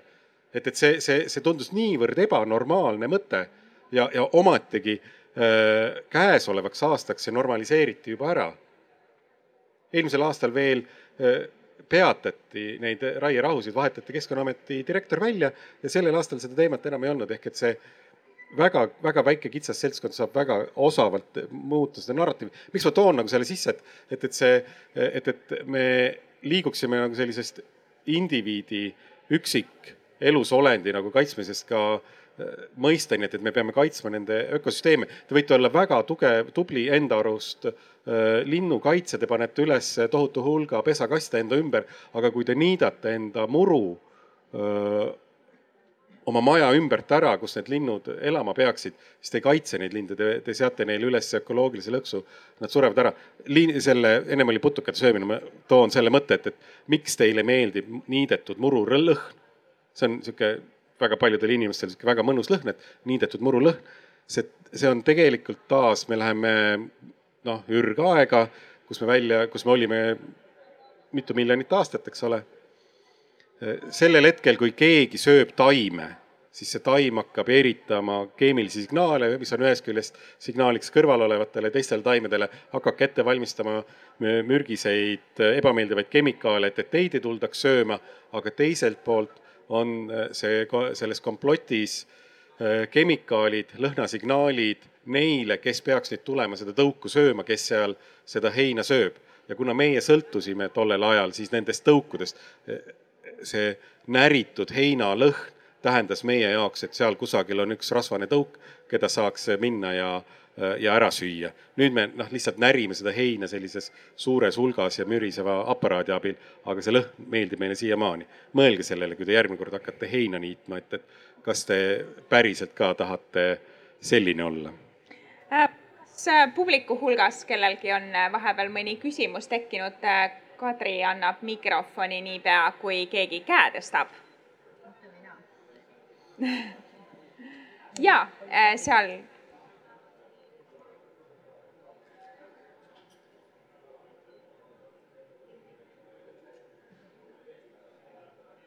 See töötab ise. üks, üks, üks.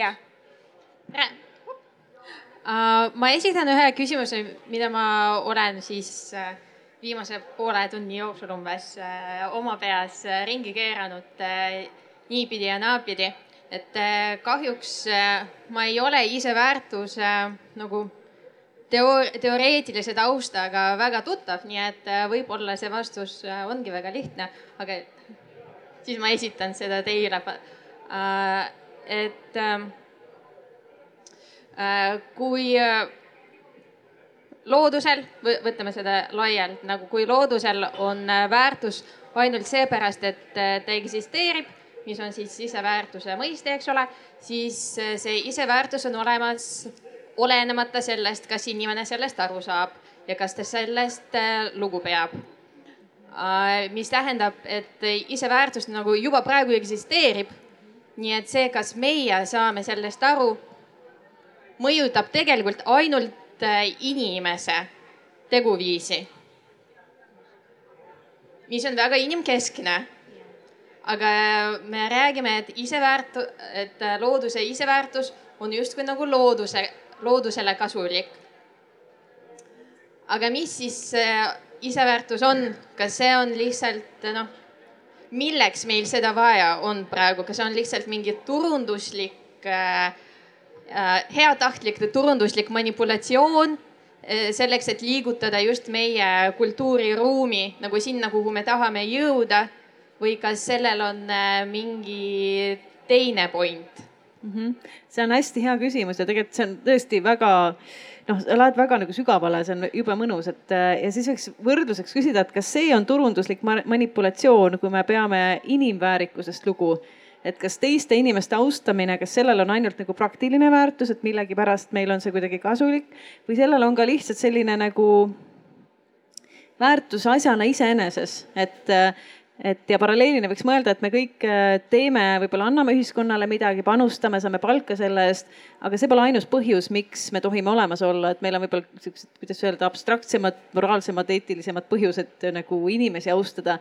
ja see mõte on jah, nagu see, et et, ehm, et see iseväärtuse nagu noh, selline mõtteparalleel või noh, võiks laieneda siis ka, ka loodusele, eks ju, ja, ja seal taga minu jaoks ei peaks olema eh, veel lisaks omaette eesmärki. Ehk siis mingisugust eesmärki, et vaat kui me seda looduse iseväärtust nagu tunnistame et äh, siis see on meile kuidagi kasulik, sest siis ta oleks juba jälle instrumentaal, noh, siis me muudaks ta jälle nagu kasulikuks on ju lihtsalt, et, et äh, müüme seda mõtet on ju, müüme seda kontseptsiooni, sest siis inimesed hakkavad loodust hoidma, et mind huvitab palju rohkem see, et mis meie maailmatajus muutub, kui see, kui me hakkame tunnetama seda, et kuule, et et mul on valik, mul on hästi palju valikukohti, seesama Mihkli kirjeldatud valik on ju, et kas ma võtan raierahu ajal metsa maha või ma üritan metsa maha võtta näiteks püsimetsanduslikult nii vähe kui võimalik sel ajal, kui see on kõige mõistlikum, eks ju, sellepärast, et siis ma põhjendamatult ei riiva teiste õigusi. et, et mind nagu huvitab jah, et selle teema juures tõepoolest loodust selles mõttes ju nagu, kuidas öelda, loodust ei koti, eks ju aga et, aga et võib-olla see muudab midagi meis, mis võiks olla oluline meile endale mm. -hmm. enne kui ma võtan järgmise küsimuse, paar täpsustust. Äh, Mihklile üks täpsustus, see äh, väljend, et RMK omab äh, riigimetsa, RMK haldab riigimetsa, ma ja, vabandust. ütlen selle siinkohal ära. ja, ja see iseväärtuse kohta siin tänases kontekstis ilmselt, mida Grete äkki öelda tahab, mulle tundub, kas ma saan õigesti aru, et et siis, kui me kõik tajume seda iseväärtust, siis see mõte enam ei tundu radikaalne looma õigusest, siis meil isegi pole sellest enam vaja rääkida, sellepärast et kõigel elaval on väärtus iseeneses ja siis ilmselt see kultuur kui selline, mis meil on, ka muutub ära lihtsalt sellepärast, et meie maailmavaade või see, kuidas me elusasse suhtume, ei ole enam see, kus me praegu oleme. et me jõuaks lõpuks ometi pärismaalastele järele. just või, või kuhu iganes, aga järgmine küsimus äh, siiski on veel võimalik, tõstke kätt ja väga tore. et äh, siin on tänase arutelu nagu äh, fookus oli siis äh, välja uurida, kas äh, loom, kas loomaõigus on radikaalne ja kahe tuhande seitsmeteistkümnendal aastal ma kuulasin ühte ettekannet, mida pidas siis kaitsepolitsei peadirektori asetäitja Martin Arpo ja kui ta loetles grupeeringuid ja organisatsioone, kes on kaitsepolitsei teravdatud tähelepanu all siis äh, lisaks islamiterroristidele ja maffiale ja igasugustele muudele fašistidele, siis äh, olid ka loomaõiguslased. nii et äh, vastus Eesti riigi seisukohalt või kapo seisukohalt on, on jah. aitäh. jah, Kadri vastab sellele.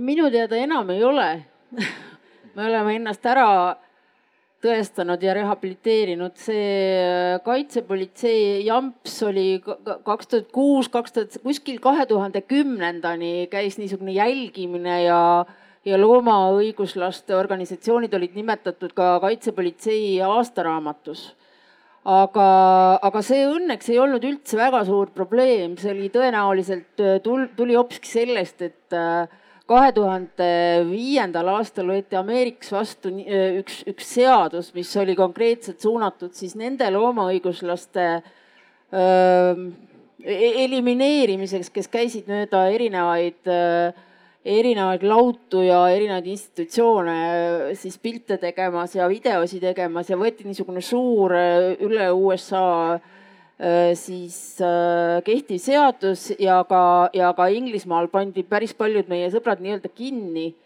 või otseselt kinni, mitte nii-öelda. Need olid tegelikult päris rasked ajad ja meie samal ajal lõime oma organisatsioonid. loomulikult Eesti Kaitsepolitsei sõits kõigepealt kohe üle, üle lahe Soome, neil olid õppepäevad, mingi kolm tükki järjest, kus nad siis õppisid, mis meiega tegema peab ja praegu on sellest naljakas rääkida, et kuidas, kuidas Hiiumaal Kuulitalu tee otsas seisis must auto kogu, kogu selle aja, kui meil oli laager ja kõik sellised asjad, aga, aga tõenäoliselt nendel lastel, kes tollel ajal, noh, minu mõistes lastel, kes käisid keskkoolis ja, ja kellele tulid tundi mustades riietes mehed, et rääkida nendega ja nende õpetajatega. aga see oli ka kõik selles mõttes, et sellest saab praegu rääkida rohkem kui naljast ja, ja, ja midagi väga terroristlikku mis, mis see siis iganes tähendab, Eesti loomaõigusliikumine ei olegi ju teinud, ainuke asi, mida võib, mida võib siis pidada ebaseaduslikuks, aga mitte ebaeetiliseks, on needsamad materjalid, mis on siis tehtud karusloomafarmidest ja ka mõnedest lautadest ja nii edasi.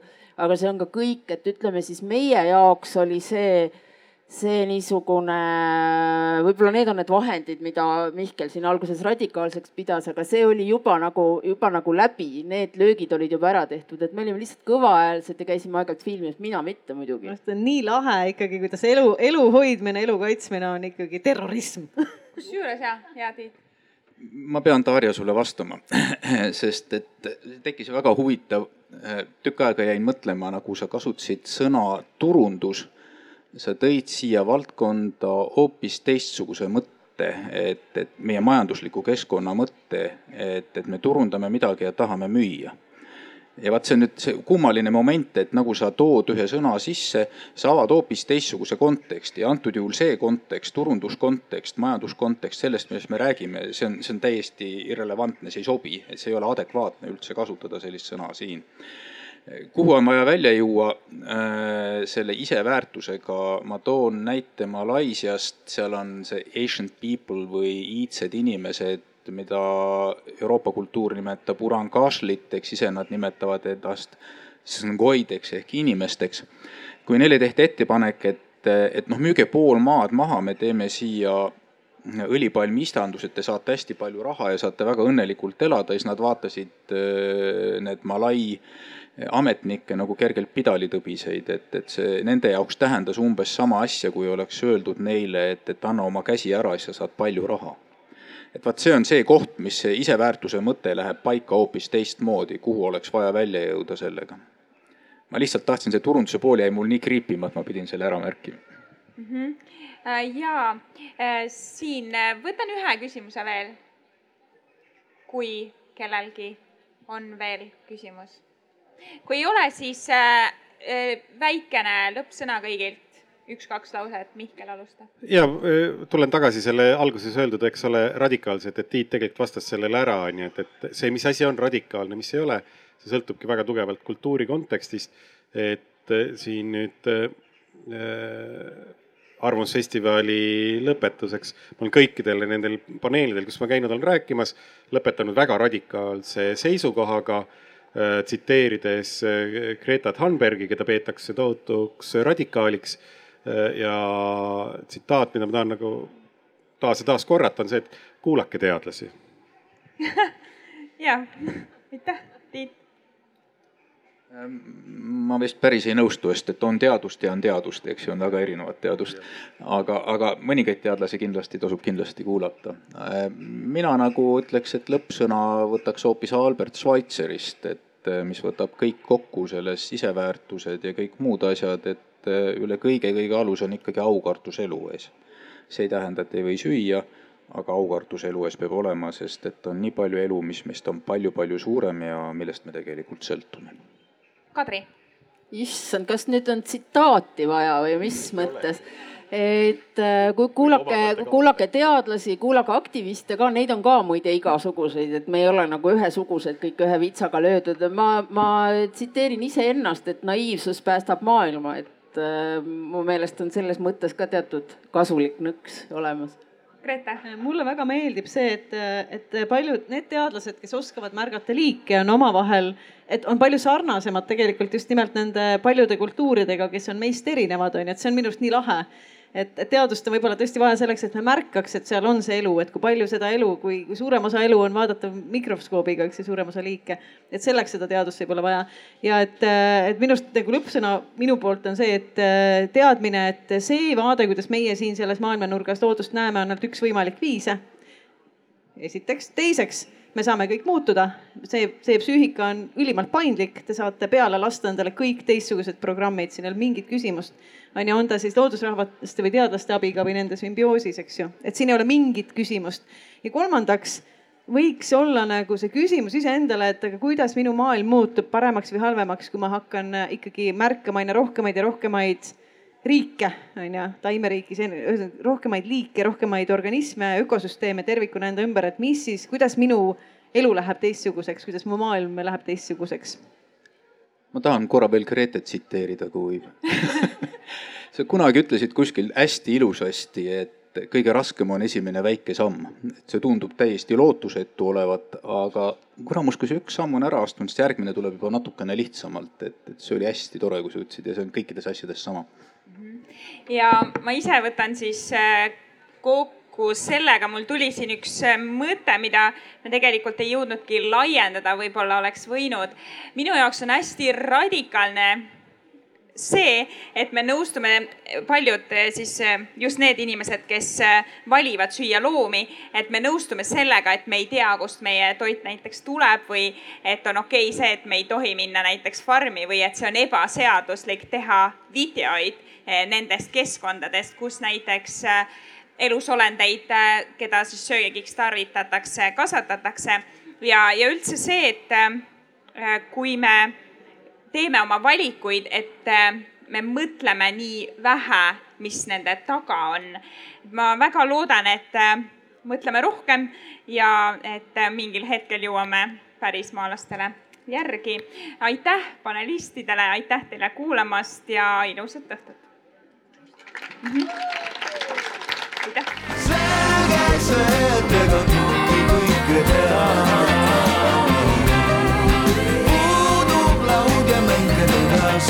about